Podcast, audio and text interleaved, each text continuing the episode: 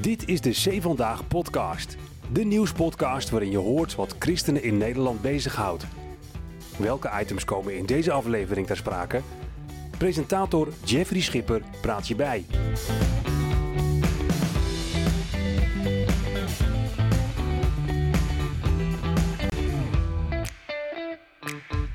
Sommige tradities zijn altijd goed, zoals een jaarlijkse podcast met dominee Egas bij de Haamstedenconferentie 2022 is gisteren begonnen. De tweede dag van de conferentie en de podcast kan van start. Dominee, mooi dat u er bent.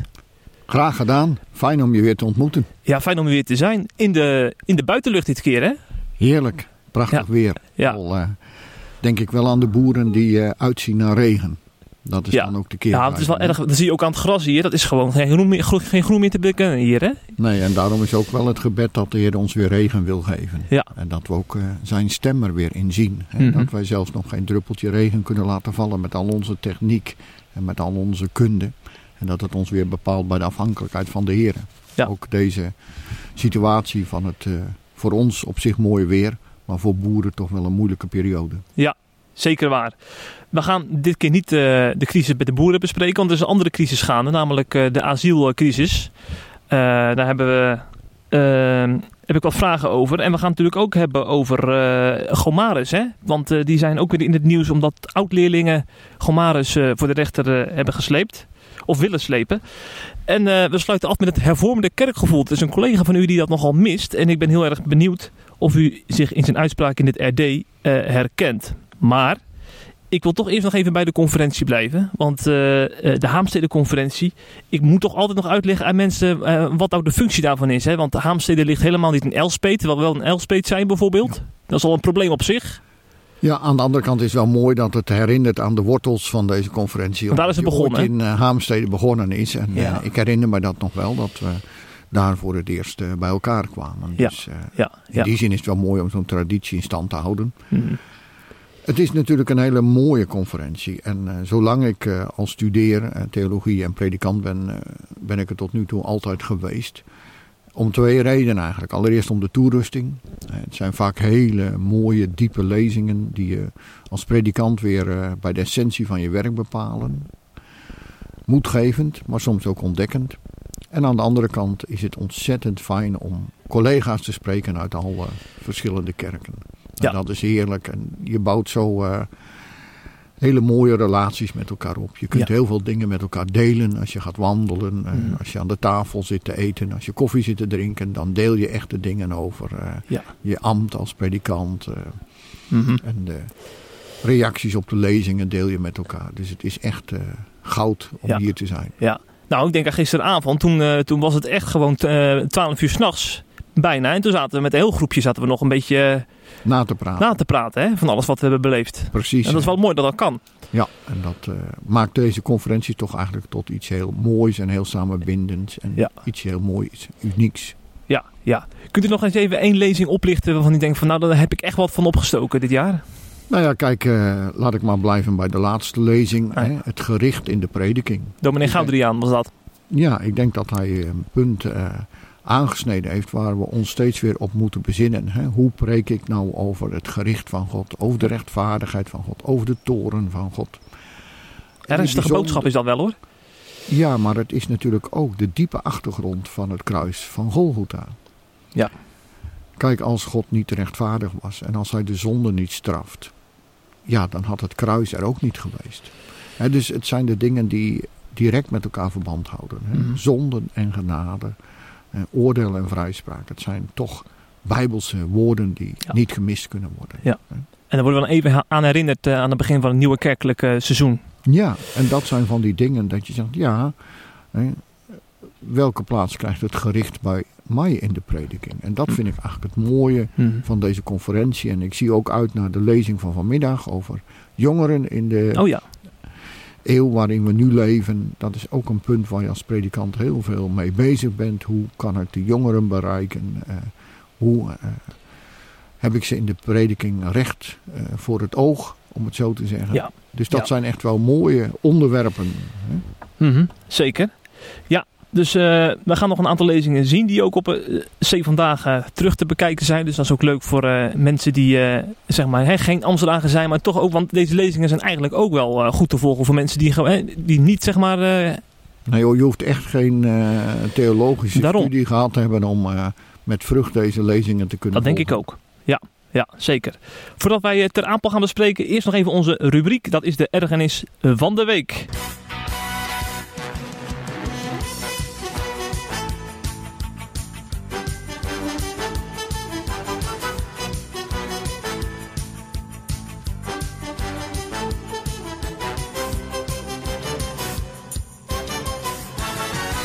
Want u heeft eh, een nieuwsbericht uitgekozen waaraan u zich eh, gestoord heeft, dominee. Ja, ik heb me heel bijzonder gestoord aan uh, wat Poetin mee bezig is met het verbranden van het gas. Het oh. afvakkelen van het gas. En, ja. dat heeft mij bijzonder geërgerd om dat de consequenties zo groot zijn. Allereerst al voor het milieu. Hè, dat al dat gas wat voor Duitsland bestemd is afgefakkeld wordt. En dat dat duizenden tonnen CO2 heeft. Maar ook de consequentie. En dan denk ik aan al die mensen in de Bijlmer die eh, in één jaar tijd eh, de gasprijs zagen vertienvoudigen. Die toch al moeilijk rond konden komen. En nu door dit soort dwaze acties enorm geconfronteerd worden met uh, prijsstijgingen, zowel voor de energie als voor hun boodschappen. En dat, dat ergert mij ongelooflijk. Hè? Dat er hm. dus mensen zomaar het gas kunnen uh, verstoken, waardoor de hele gasmarkt instabiel wordt. Hm. Speculanten daarvan profiteren. Maar uiteindelijk zijn het altijd weer de arme en kwetsbare mensen die de gevolgen dragen. En daar kan ik me innerlijk ontzettend boos over maken. Dat is voor mij echt een ergernis geweest toen ik dat bericht las. Dat dat gas afgefakkeld wordt. Hm. En dat door zulke soort uh, gekke acties, dwaze acties, het milieu aangetast wordt. Maar vooral ook heel veel mensen ja. nodeloos in de problemen komen. En gewoon niet weten hoe ze hun huur en hun rekening moeten betalen. Hm. Dat zijn dingen die, uh, ja, daar kan ik me echt over opwinden en echt boos over worden. Ja. Ja, heeft u, heeft u ook wel eens dat u dan uh, toch ook de neiging hebt om uit te spreken van uh, laat dat oordeel dan over Poetin uitstorten? Nou, dat heb ik nooit gedacht. Oké. Nee, ik heb gewoon gedacht, wat is het toch ontzettend naar en dwaas en achterlijk om zulke dingen te doen. Hm. Hm. Omdat het zoveel consequenties heeft. Ja. Die totaal niet nodig zijn.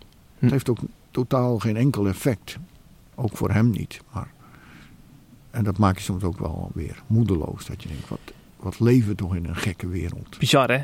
Ja. Bizarre wereld, ja. precies. Eigenlijk zijn we toch ook allemaal gewoon onderdeel van een politiek spel. We zijn maar pionnetjes voor hem, we zijn geen mensen. Nee, precies. En dat, uh, dat maakt mij natuurlijk toch wel heel verdrietig. Ook als leest uh, dat zijn optreden natuurlijk duizenden, ja misschien wel miljoenen mensen met honger bedreigt. En dan, uh, ja, dat zijn zulke eh, aangrijpende dingen. Hè, dat één man zoveel macht heeft en dat zoveel mensen daaronder lijden. Hm. Zelfs ook in zijn eigen land. Ja. Het laatste nieuws uit christelijk Nederland bespreken we in de C Vandaag podcast.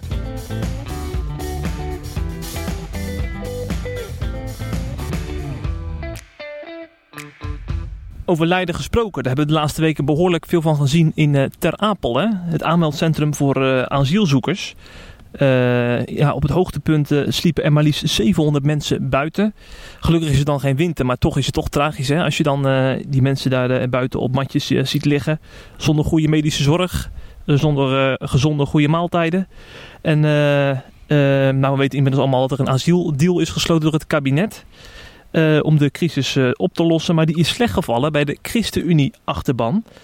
Uh, er is ook een open brief verschenen hè, die door uh, meer dan 100 ChristenUnie-leden is ondertekend. En zij pleiten echt om die asieldeal alsnog in te trekken, want ze vinden die inhu inhumaan. En er wordt zelfs in de, in de open brief gesproken van misschien moeten we maar uit het kabinet stappen, want dit gaat ons echt veel te ver. Ze spreken over het juridisch en moreel failliete beslissingen. Uh, dus eigenlijk moeten zegers van hen terug naar de tekentafel. Begrijpt u dat de ChristenUnie-achterban uh, op de achterste benen staat? Ik begrijp het wel. Ik denk ook dat het natuurlijk heel moeilijk is om als christen te aanvaarden dat je om deze redenen bijvoorbeeld gezinshereniging terug gaan brengen. Ja, dat hoort bij die deal inderdaad. Hè? Precies, en dat vond ik ook een heel moeilijk punt. Dat je zegt, ja, wij pleiten toch als christen altijd voor de grote waarde van het gezin. En dat je dan probeert je eigen problemen op te lossen. En dan kinderen daar de dupe van laat worden door gezinshereniging te, te bemoeilijken. Dan, dan raakt dat mij. En ik kan goed begrijpen dat oprechte christenen als daar in de ChristenUnie zeggen: ja, maar dit kan toch niet? Hm. Wij als rijk land, een van de rijkste landen, wij hebben zelf deze chaos veroorzaakt. En natuurlijk, ik weet ook wel, de beste stuurlui staan aan wal. Ik heb ook niet direct de oplossing. Ik verdiep me er wel in en dan zie ik dat het een hele complex probleem is. Wat ik me bijvoorbeeld afvroeg toen ik dat voor het eerst hoorde, dat er een hele grote tent stond, daar neergezet door het eh, ministerie van Defensie. Konden 200 mensen in slapen en dat die toch niet gebruikt moest worden. Dan kun je je opwinden, denk je wat is dit nou voor een idioterie hè, van eh, regels dat je dat dus niet toestaat. Hm? Maar als je dan weer hoort waarom de burgemeester zich daartegen verzet heeft, dan begrijp je het van zijn oogpunt ook. Want hij zegt, wij hebben afgesproken, zoveel mensen mogen er in Ter Apel zijn. En voor die mensen kan ik veiligheid en onderdak garanderen. Maar als dan via slinkse wegen die afspraak teniet gedaan wordt en er zomaar een tent neergezet wordt met 200 extra, dan ben ik wel verantwoordelijkheid voor die veiligheid van die mensen. En we hebben bestuurlijk afgesproken dat we een maximaal aantal mensen in Ter Apel hebben. Dus het is allemaal niet zo heel gemakkelijk. En ik denk dat wij als burgers daar ook wel oog voor moeten hebben dat het voor de overheid ook altijd niet makkelijk is. Mm bijvoorbeeld het feit dat natuurlijk de COA-medewerkers ontslagen zijn in de tijd van corona. Toen waren er natuurlijk ook vluchtelingen. Stel dat de overheid gezegd had: wij houden al die mensen in dienst. Wat een rel had dat in Nederland gegeven. Oh, Gaat ons kostbare geld daar naartoe en zitten ambtenaren daar niks te doen, wachten op asielzoekers die niet komen. Nou, dan hadden wij in de hoogste bomen zitten. Nou heeft de COA natuurlijk afgeschaald. Nou is de corona voorbij. Ja, nou kun je niet direct een heel blik ambtenaren openen. Daar moeten wij als Nederlanders ook voor hebben. En niet zomaar gaan zitten schreeuwen en hoe kan dat nou allemaal. Ik denk als je je gewoon rustig verdiept in dat soort problemen, dat je ja, er zitten meerdere kanten aan. Ja, ja Gert-Jan Segers die heeft een, uh, een, een mailing uh, de deur uitgedaan uit zijn achterban. En hij zegt uh, dat er voor het, op hen wordt ingebeukt als op, als, dat ze ervaren dat er flink op onze Gideonsbende wordt ingebeukt. Met andere woorden, door al die meningen en al, die, al dat geroeptoeter... Uh, ervaart hij toch dat, dat, dat zijn partij uh, niet, niet gewoon uh, kan doen waar ze voor staan, namelijk uh, een akkoord sluiten en voor die vluchtelingen zijn, omdat er dan iedereen weer een mening heeft. Daar heeft hij wel best wel last van. Nou, dat begrijp ik juist. Hè? Dat mensen dus zich niet eerst eens goed verdiepen in de problematiek. Wat is hier nou aan de hand? Hoe komt dit nou? En natuurlijk kun je wel als stuurlui aan de wal zeggen: ja, maar dat had zo gemoeten en zo gemoeten. Ik ben ervan overtuigd hè, dat die staatssecretaris van de Burg echt alles uit de kast wil halen om dit probleem op te lossen. Ja. Ik bedoel dat als je niet meer van die intentie overtuigd bent dat zo'n staatssecretaris alles probeert wat mogelijk is, maar je weet gewoon intern niet wat er allemaal aan struggles en tegenwerpingen en mhm. juridische problemen zijn en wetgeving. Je moet overal rekening mee houden. Wij zitten achterover in onze luie stoel en zeggen nou wat een schande die 700 mensen die daar. Maar wie was er nou om te helpen? Hm. Laten we dat ook dan als samenleving zeggen. Hè?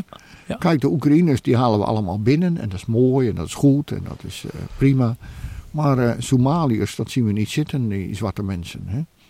Daar moet je ook eerlijk in zijn. Wie durft daar nou de vinger bij te leggen? Zegt, kijk, waarom nemen jullie geen Somaliërs op? Of uh, mensen uit Marokko of waar dan ook vandaan? We hebben toch onze eigen voorkeuren, zegt hij. Precies. dat is wel heel duidelijk gebleken. Ja. Nou, nou las ik ook dat de SGP bijvoorbeeld, dat is ook gewoon een christelijke partij, dat is de ChristenUnie. Die staan helemaal aan de andere kant. Die pleiten voor een asielstop bijvoorbeeld, omdat uh, we het gewoon niet aankunnen. Terwijl de ChristenUnie uh, uh, aan de hele andere kant zit, omdat ze vooral die, die naastenliefde willen benadrukken hè, met, met de hand op de Bijbel. Dan denk ik van, het kan toch niet allebei, allebei waar zijn als je een christelijke partij bent? Ja, ik vind dat ook echt lastig. Ja. Mijn hart ligt dan toch echt wel aan de kant van uh, de zorg. Als ik zie hoe vaak in de Bijbel opgeroepen wordt om te zorgen voor de vreemdelingen. Hmm. Dat is een Bijbelse opdracht, zegt u. Bijvoorbeeld in de wet wordt al gesproken over de vreemdeling in uw poorten. Ja, het volk Israël kreeg al de oproep om voor de vreemdelingen te zorgen. Ja, ja. Bijvoorbeeld, de Heer zegt, gedenk de vreemdelingen, want gij zijt zelf vreemdeling geweest in Egypte. Als je straks voor God verschijnt, dan zegt hij, heb jij mij geherbergd? Ja. Heb je mij gekleed? Matthäus 25 is dat, hè? Precies. Ja. Heb je mij een beker koud water gegeven? Dus in die zin ligt mijn hart toch echt wel bij het verzet van de ChristenUnie. Oké. Dan denk ik ja. ja. Mannen, uh, probeer het maximale te doen ja. voor die mensen.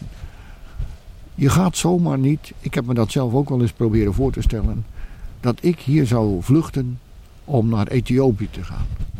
Dan moet ik toch echt wel tot het uiterste in nood verkeren om mijn veilige vaderland hè, te verlaten, hè, mijn familie te verlaten, hè, om dan een levensgevaarlijke reis, mijn laatste centen aan te geven.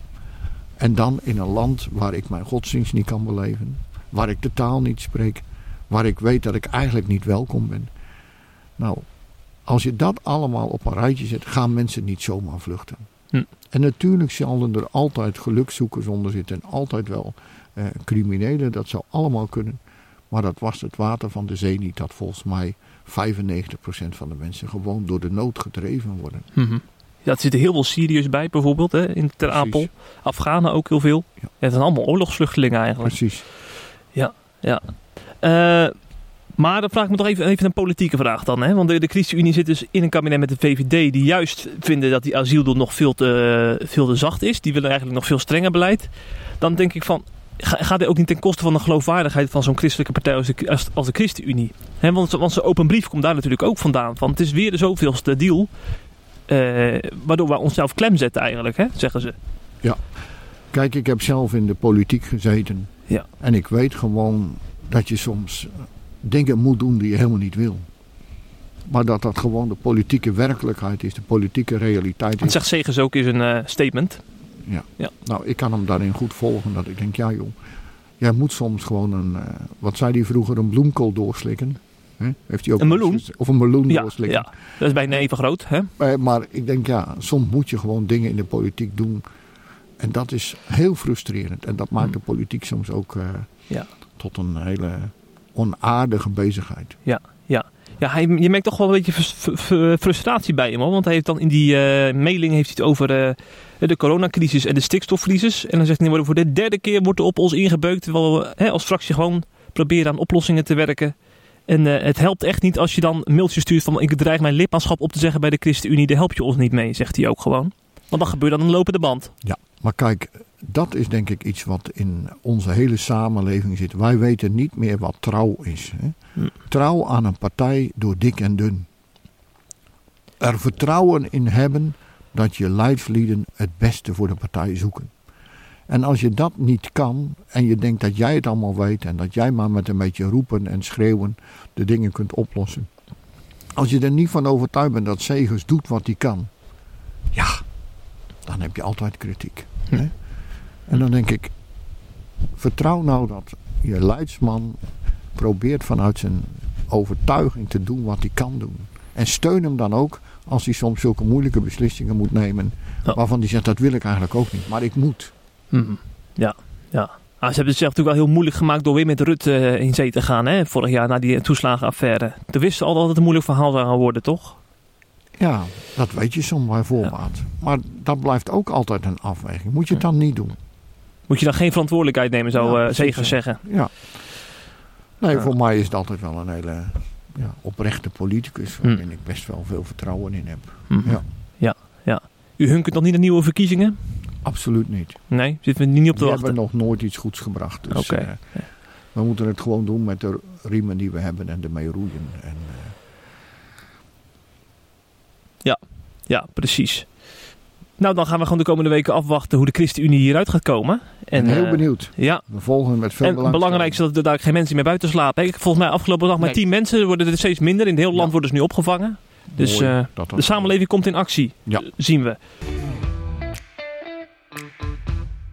Twee oud-leerlingen zijn ook in actie gekomen op een hele andere manier. Eh, twee oud-leerlingen van het Gomare Scholengemeenschap, een Revo-school in eh, Gorinchem. Dat is eh, afgelopen jaren meerdere keren in het nieuws gekomen. Dat begon bij een verhaal in NRC, waarin oud-leerlingen hun schooltijd als onprettig hebben ervaren. Dat hebben ze daarin da- beschreven in dat, in dat interview. En dat ging dan ook met name om coming-out verhalen. Hè? Dat, dat er over gedwongen coming-outs werd gesproken. Eh, dus er was geen vertrouwenssfeer. En toen is de onderwijsinspectie is toen in actie gekomen om een onderzoek te starten. Ondertussen had nog een leerling aangifte gedaan bij het, bij het OM. Ik zag ook zelfs dat het Openbaar Ministerie zelf aangifte deed vanwege discriminatie. Die waren ervan overtuigd dat dingen mis waren door al die eh, getuigenisverhalen. Maar uiteindelijk eh, bleek dit jaar dat de school veilig is verklaard hè, na een nieuw rapport van de onderwijsinspectie. En dan zou je kunnen zeggen, dan kun je de strijdbel begraven, want eh, er is eh, recht gesproken in die zin. Maar twee oud-leerlingen, Mees de Wit en Marijn Baggerman, die eh, leggen zich er niet bij neer en die zijn een artikel 12 procedure gestart. Dus die willen dat het om niet over te gaan tot vervolging alsnog wordt aangevochten. zodat de zaak opnieuw in behandeling wordt genomen en er alsnog een eh, uitspraak wordt gedaan over eh, deze school. Want zij willen echt, eh, zij vinden dat het strafbare feiten zijn, hebben plaatsgevonden. En dus dat er ook een straf op volgt. Dat is, dat is hun doel. Begrijpt u dat deze oud-leerlingen nog steeds met deze juridische strijd doorgaan? Ik begrijp het vanuit hun perspectief.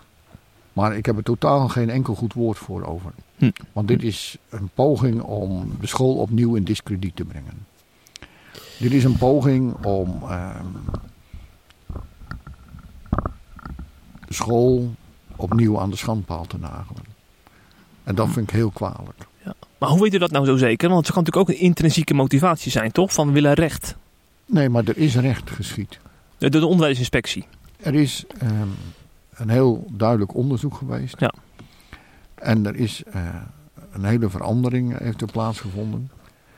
Maar ik denk dat je bij het begin moet beginnen. En dat is, is het echt zo dat de Gomare school vanuit Bijbels oogpunt een verkeerd beleid gevoerd heeft? En Maar daar, ze hebben het wel aangepast, hè? Dus dat zegt ook wel wat, toch? nou, kijk, ik denk dat ze het aangepast hebben omdat ze daartoe gedwongen werden. Hè? En ik denk dat je ook de tijd eh, waarin het geschreven is en waarin we nu zitten, daar is ook alweer een tijd overheen gegaan. Ja. Hè, dus eh, wij moeten ook, en dat geldt ook voor de mensen van de homobeweging, wij moeten niet vergeten dat tot 1990 eh, homoseksualiteit als een geestesziekte werd gezien door de officiële wetenschap. Dus wij moeten wel in de gaten houden dat eh, als die scholen in die tijd de dingen opschreven, dat er dus een ontwikkeling plaatsvindt. En als je dat niet in ogenschouw neemt, dan doe je zo'n school onrecht aan. Je moet het wel in het tijdsbeeld van die tijd zien. Maar lo- even los van het beleid, er, wa- waren natuurlijk wel echt zo schokkende ervaringen gedeeld. Hè? Van, van meisjes die in, in de kamer werden opgesloten eh, en tegenover hun ouders moesten vertellen dat ze een andere geaardheid hebben. Ja, maar ik vraag me af, zeker in die tijd, Hm. hè, was het natuurlijk gewoon eh, best schokkend hè, als meisjes eh, verliefd op elkaar werden. En dat je dan als school zegt, ja maar luister goed, dit is wel heel erg eh, strijd met wat de Heer in zijn woord zegt.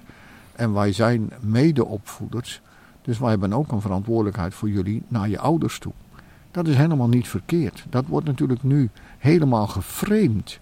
Maar als je het gewoon vanuit het perspectief van de school ziet, dan denk ik, wat is hier nou zo helemaal verkeerd aan? Dat je als ouders in geïnformeerd wordt over iets waarvan de school zich zorgen maakt. Hm. Kijk, de moderne wereld zegt, ja, dat is belachelijk. Maar je moet het wel zien vanuit het perspectief van de school en van de ouders. En voor de ouders is een homoseksuele relatie in strijd met Gods woord, in strijd met wat ze in de kerk beleiden, in strijd met hun levensopvatting. Dus als die school dan zegt, ja maar luister meiden, dit moeten jullie ouders wel weten. Want daar hebben die ouders recht op. Jullie zijn kinderen van die ouders. En zij moeten met jullie daar het gesprek over gaan. Dit kunnen wij niet geheim houden. Dat zou in strijd zijn met het feit dat we als school en ouders één zijn. Wij delen samen de verantwoordelijkheid voor jullie. Ja. Maar even, even een praktijkvoorbeeld. Want u, u bent predikant, hè? Als er nou een gemeentelid bij u vertelt in, in vertrouwen eh, dat hij worstelt met een verslaving of zo, hè? Een, een, een drugsverslaving. Dan gaat die persoon natuurlijk wel vanuit dat het, dat het in vertrouwen wordt gezegd, toch? Ja, maar dat is toch een heel groot verschil. Waarom? Want ik ben een ambtsdrager die een ambtsgeheim heeft. Een school doet het in opdracht van de ouders. De ouders zeggen: kijk, wij hebben beperkte mogelijkheden om onze kinderen een MAVO-diploma te laten halen. Dat stukje van die opvoeding, dat leggen wij bij jullie neer. Maar wij vormen wel als school en ouders een eenheid.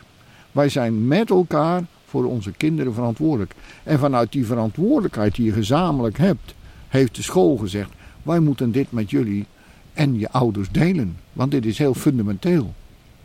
Ja, ja.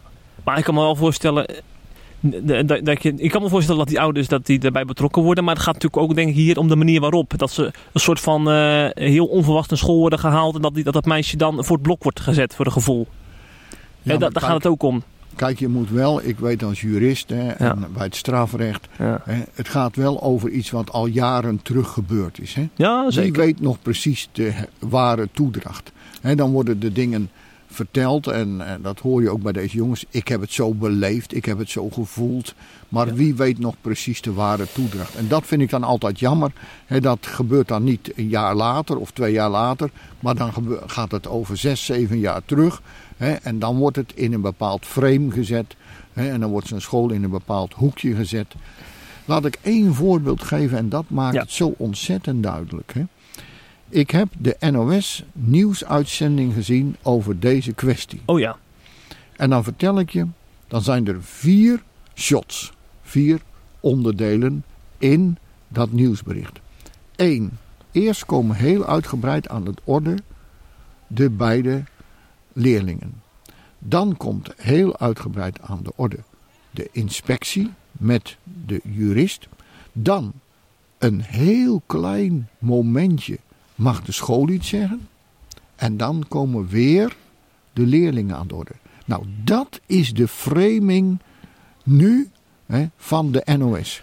Dus die school, hè, Flikweert, die directeur, kreeg een paar seconden en driekwart tot meer zelfs van het nieuwsitem op de NOS was voor degene die de school beschuldigen. En dan denk ik, dit is geen objectieve berichtgeving meer. Hm. En dat is gewoon het frame waarin alles geplaatst wordt. En dat maakt het voor ons als christenen heel moeilijk om in deze samenleving nog die boodschap te brengen. Omdat het niet meer begrepen wordt en het mag er niet meer zijn. En het wordt dus altijd in een bepaald negatief frame gezet. Zonder eens te luisteren, wat beweegt nou die mensen? Hm. Waarom hebben ze zoveel moeite met homoseksualiteit? Aan de andere kant, en dat vind ik het dubbele onrechtvaardig is, als je eens wist hoe het toeging voor homoseksuele jongens op scholen in Amsterdam, maar niemand durft zich daaraan te branden om dat te onderzoeken. Hoe gaat het in openbare scholen, in moslimscholen enzovoort. Hè? Niemand durft, daar is een rapport over verschenen in Amsterdam, Oh ja. is wel onder de tafel geveegd. Ja, dat hè? is waar, ja. Ja, En Dus ik durf de stelling aan, in alle oprechtheid, dat je nergens veiliger homoseksueel kunt zijn dan op een reformatorische school. Die stelling durf Ja? ik aan. Die durf ik aan. Hm. Ik zit zelf in de raad van toezicht van Lodestein en Horenbeek. Ik ben zelf docent geweest op eh, de Gomaris. Ben ik een aantal jaren docent geweest. Hè. En dan denk ik, het is heel beperkt. Af en toe hoor je het woord homo. Maar er is nog nooit iemand geslagen. Er is nog nooit iemand eh, buiten de groep gezet. Of wat dan ook. Hè. Ja. Dus daar moet je heel eerlijk in zijn. Pas, ik hoorde dat pas nog, is er een boek verschenen over tien homoseksuelen in onze gezinten. En die zeggen, wat is nou de meest veilige kerk voor ons? Dat is waar eerlijk gezegd wordt vanuit Gods woord hoe het is.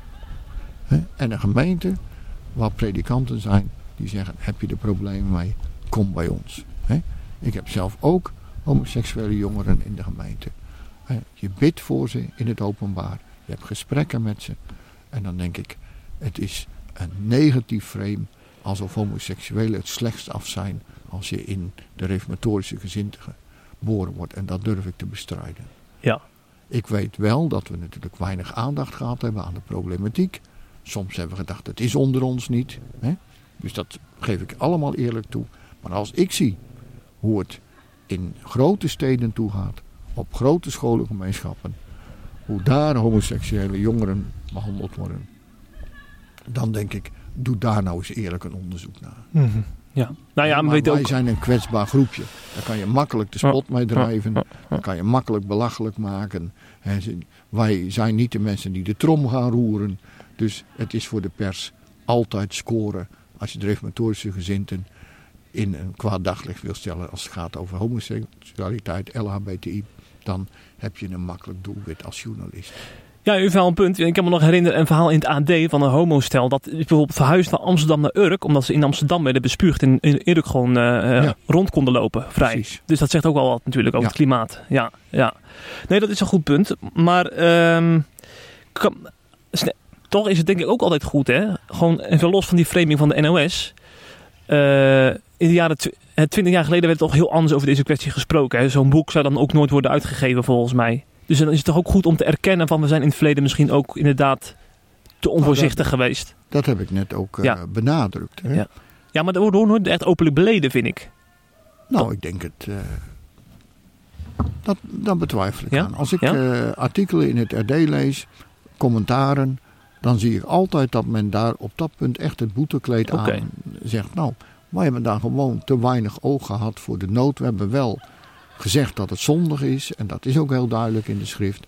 Maar we hebben te weinig oog gehad dat mensen die eh, die homoseksuele geaardheid bij zichzelf ontdekken, wel vaak een hele eenzame strijd hadden. Want ze hoorden alleen maar dat het zondig was. Maar de weg met hen werd niet gegaan. En dat is iets wat we natuurlijk terecht eh, onszelf aantrekken. Daar is ook heel veel eh, aan veranderd. Maar ik wil, dat moet geen afbreuk doen aan het feit dat wij het volste recht hebben om duidelijk te zeggen dat homoseksualiteit in strijd is met de Bijbel en Gods woord. Ja. En daarom is Dominic Kort ook vrijgesproken hè, eh, Precies. eerder dit jaar. Ja. Die mag gewoon zijn mening hebben erover in dit land. Gelukkig wel. Dus dat is een eh, positieve afsluiting van eh, dit nieuws. Zeker. Hè? En dat vond ik ook fijn dat dat ook zo was in Zweden. Hè? Nee, in Finland was dat. Die Oh, Finland, ja, ja. die politica. Klopt. En in Duitsland ook tot nu toe. Ja. Hè? Dus Gaat nog goed in Europa wat dat betreft. Ja, Ja. zijn we dankbaar dat het nog mag. We gaan eh, afsluiten met dominee Verhoeven van de eh Griefmiddenbond. Die had, eh, dat was toevallig ook op deze plek. Die hadden vorige week in Elspet met de Griefmiddenbond een studieweek voor theologiestudenten. En eh, zijn uitspraken die, eh, werden veel gedeeld eh, in het Reformatorische Dagblad. Want deze dominee mist het oude hervormde kerkgevoel. En hij legt de vinger op de zere plek voor velen, denk ik. Hij verwijst naar de individualis- individualistische samenleving, hè, die ook de kerkelijke gemeente raakt. Hij ziet de kerk verbrokkelen. Dat mensen steeds meer een heil zoeken bij zichzelf, bij, de kerk die bij hem past. En dat het collectief echt uit beeld verdwijnt. Hè, vroeger ging het nog heel anders aan toe dat je gewoon eh, een- een dor- dorpskerk waar men op aange- aangewezen was met een eigen wijkgemeente en waar men men met elkaar optrok. En eh, dat is helemaal verdwenen. Het slijt eruit en dat vindt dominee Verhoeven pijnlijk om te constateren. Deelt u die eh, constatering van hem? Kijk, in die zin moet ik wat bescheiden zijn, omdat ik natuurlijk geen eh hervormd predikant Nee, dat is ben. zeker. Christelijk. Maar ik heb in mijn eigen familie ehm, veel hervormden. En ehm, ik weet gewoon dat dat een gevoel is wat ik heel goed begrijp. Omdat ik bijvoorbeeld, eh, mijn broer was directeur in Sint Maartensdijk Oh ja. in de tijd. En daar had je ook echt één school en één kerk.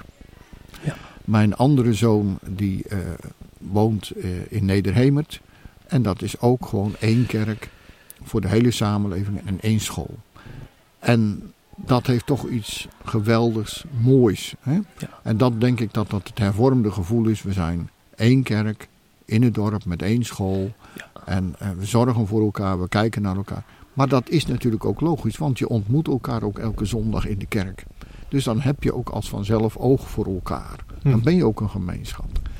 Maar dat hervormde gevoel, dat verdwijnt omdat de hervormde kerk verdwijnt. En dat is natuurlijk het grote pijnlijke proces. Dat die kerk steeds leger, leger en leger raakt. Dus in die zin is het eigenlijk ook zelfs gewoon een kwestie van uh, aantallen. Oh ja, precies. Ja, ja. En waar gaan ze dan naartoe dan? Is uw nou, ervaring? de kerk uh, wordt gewoon leeg omdat de mensen afscheid van de kerk Ja, nemen. voor- de definitief. Ja, de Ja. secularisatie. Ja, ja, ja. ja. En dan denk ik dat ehm, het voor hem een heel belangrijk signaal is dat hij zegt: hoe komt het nou ook? Dat wij weer oog moeten hebben voor het verbond dat God met dat volk, met de kerk heeft opgericht. ja. Betekent- Kunt u even uitleggen wat, waarom het verbond zo'n belangrijke term is in deze? Nou, omdat eh, het verbond zegt dat God eh, een relatie zoekt met zondaren. Hè, zoals dat ook vanmorgen hoorde, hè, dat Amos namens God moet zeggen: Jullie zijn mijn volk. Hè? Ja. En dat betekent dus dat God de eerste is hè, die tot dat volk komt en in een verbondsrelatie met dat volk treedt. En dat volk oproept om antwoord te geven op dat verbond. Hè? Om wat wij dan wel noemen toe-eigenen wat God in dat verbond belooft. Ja. Hè? En dat Dus slijt, is zegt hij, hè? Dat, dat denken. Kijk, en dan zie je dus dat eh, het accent niet meer ligt op God die zijn verbond met mij sluit, maar dat het heel erg gaat om mij, ik, de gelovige. Hè? Hm. En dan kom ik in het centrum te staan. En wat je dan dus heel duidelijk gaat zien, dat het niet gaat om God en de kerk en de gemeenschap, maar om mij. Ja. Kom ik nou in de kerk? En dan moet de kerk een soort vehikel zijn dat mij gelukkig maakt, of dat mij steunt, of dat mij troost. Hè? Dus dan redeneer je precies andersom. Hè? Wat heb ik aan de kerk? Maar de vraag is, wat heeft de kerk aan mij? Hè? En dat zie je eigenlijk ook in de geschiedenis, de gelijkenis van de barmhartige Samaritaan. Dan vraagt die man vanuit zichzelf, wie is mijn naaste? En dan zegt God, nee, ben jij de naaste voor een ander? En dat is het probleem wat die dominee Verhoeven signaleert. Ja. En ik was nog maar net in Middelharnis en daar kwam een kapster thuis eh, voor mijn dochters. En die zei, ja, ik ben hier ook pas komen wonen. En ik ben op zoek naar een kerk die bij mij past. Ja, ja. En dat is het punt eh, wat aan de hand is. En wat ik net ook tegen je zei over trouw. En mensen zijn niet meer trouw aan hun kerk. En mensen zijn niet meer trouw aan het huwelijk. Mensen zijn ook niet meer trouw aan de dealer waar ze een auto kopen. Dus die hele verbondenheid aan elkaar en met elkaar. Dat cement van de samenleving, dat is weg. En dat constateert hij. Hm, hm. En Ja. dat zie ik om me heen. Ja, dat zie ik niet ook. hervormd te zijn. Dat Hm. zie je in alle kerken. Maar toch denk ik ook van, eh, verlangt deze eh, collega-dominee van u niet te veel naar een, een, een ander tijdperk? Want we leven natuurlijk ook in een andere tijd en dan moet je als kerk ook daarop aanpassen, toch? Voor een deel, niet, niet helemaal natuurlijk. Ja, ik denk ook dat het een stukje nostalgie is. Ja, dat denk hè, ik ook. Van het verleden waarin de hervormde kerk de vaderlandse kerk was. Ja, die, die tijd gaat nooit meer komen, dat weet hij Dat ook wel. gaat ook niet meer komen. Hè? Maar zijn appel om in de prediking weer meer aandacht te hebben als een tegenwicht tegen het doorgevloeide e- individualisme. Zeg ja, maar God werkt toch verbondsmatig. God heeft toch oog op het geheel van de gemeente, het geheel van het volk. Hè? En dat, die strijd tegen individualisme, dat is een hele terechte strijd. Hè? Ja. Want we zijn in deze samenleving en niet voor onszelf, maar voor elkaar. Mhm. En dat is natuurlijk zo'n wezenlijke bijbelse notie. En daar strijdt natuurlijk ook eh, heel de gedachte van het gaat om mij en hoe word ik bevredigd en kom ik in de preek aan mijn trekken enzovoort. Dat is het postmoderne. En dat zijpelt ook de kerk binnen. Dat ben ik van harte met hem eens. Ja. Helaas. Met droefheid. Hm, hm. Ja. En ehm ehm, wat ik me nou tenslotte afvraag, hebben we ook niet een beetje een, een, luxe probleem? Hè? Want eh, eh, van die gedachte van hè, als je ergens gaat wonen en ik, ik zoek een kerk die bij me past. Dat, dat kan natuurlijk, dat kunnen wij zeggen, omdat wij, omdat wij in eh, pla- plaatsen in Nederland hebben waar twintig kerken zijn in, in, één, op één gebied. Kijk, als je, als, je naar, een- als je naar een stad verhuist waar maar twee kerken zijn, dan is dat probleem ook er niet. Nee. Dus we hebben toch ons eigen probleem ook een beetje gecreëerd in die zin, met al die kerken. Nou, ik weet niet of het als zodanig een probleem is. Ik denk dat het een, eh, een teken van deze tijd is. Dat mensen dus niet meer zeggen: Nou, kijk, ik ben gedoopt in de gereformeerde gemeente. Ik heb daar beleidenis gedaan. wij gaan verhuizen. Dat dan niet meer vanzelfsprekend is dat je zegt, nou dan zoek ik allereerst een gemeente op van het kerkverband waarbij ik opgevoed ben. Ja. Die vanzelfsprekendheid, dat is best wel uh, aangrijpend. Dat mensen zeggen, ja daar heb ik eigenlijk geen boodschap aan. Hè. Als ik ergens anders uh, kan, is mij ook best. En dat bedoel ik hè, met dat uh, ontbreken van trouw zijn, hè, die samenhang zoeken, hè, die verbondenheid zoeken, maar veel meer richten vanuit het ik. En dat zie je dus ook in een huwelijk. Hè. Dat mensen zeggen, ja, zolang mijn partner mij nog stimuleert en mijn partner nog een toegevoegde waarde voor mij is, ga ik ermee door. Maar zodra dat niet meer is, dan kap ik ermee. Nou, dat hele denken, dat is dodelijk voor een christen ja. in de kerk. Ja. Ja. Want dan gaat het alleen maar over mij. Wat heb ik aan de prediking? Hè? Hoe kom ik aan mijn trekken? Hè? Wordt er verkondigd wat ik graag wil horen? Ja, dat is radicaal anders dan wat we vanmorgen hoorden. Het komt bij God vandaan. En die heeft het voor het zeggen, niet ik. Ja, ja. Maar dan denk ik ook wel eens van, Ja. eh, God, God kan toch ook bijvoorbeeld een hervormde kerkjongen eh, roepen naar een plek eh, waar bij wijze van spreken eh, nog, geen, nog geen kerk is. Hè? Ik noem maar, noem maar Noord-Holland of zo, of, eh, of eh, in Lim- Limburg, Noord-Brabant. En dat je dan naar een hele andere kerk gaat, maar dat je daar wel de, die kleine kerk helpt opbouwen. Oh nee, maar Toch? zeker. Kijk, waar het mij niet om gaat, is dat je kerkistisch bent en zegt, nou ja... Ik Ja, want zo kan soms overkomen, zo'n oproep hè, van dominee Verhoeven. Ja, maar dat is denk ik eh, niet zijn bedoeling. nee. Maar hij heeft natuurlijk toch een heimwee naar de vaderlandse kerk, die eh, als een cement in de samenleving is van een dorp. Hè, waarin iedereen nog eh, Ja. zondags. En dat is er niet meer. Ja, ja. Nou, ik vind het ook, ook goed- om het te lezen. Hè? Want eh, als, als iemand van een andere generatie eh, wil ik dat ook gewoon begrijpen. Hè? Dat, die, die heimwee en, en, en dan, dan merk je ook dat er gewoon hele, heel veel tijden veranderd zijn inmiddels. wat dat betreft. Ja, we leven echt in een andere tijd. En eh, daar gaat eh, onze vriend meneer Van Steensel dadelijk meer over vertellen. Hè? Over die andere Precies. tijd. En hoe, je, hoe we de jongeren kunnen bereiken dan als Daar predikant. Ja, Heel hij gaat zo beginnen, dus daarom moeten we de podcast maar beëindigen. Hè? Want dan kunnen jullie nog op tijd meemaken, dominee je. Egas. Bedankt voor de bijdrage bij de Graag podcast. gedaan. Een goede reis naar Friesland, hè? want dan gaat u morgen weer naartoe. Ik hoop weer naar Damwouden te gaan om daar ook weer de herderstaf op te nemen, om het zo te zeggen. Helemaal goed. En wie weet tot volgend jaar. Hopen we. Tot ziens. En luisteraars, tot de volgende keer. Hopelijk heb je genoten van deze C Vandaag podcast. Volgende week is er een nieuwe aflevering. En blijf via cvandaag.nl op de hoogte van het laatste nieuws uit Christelijk Nederland.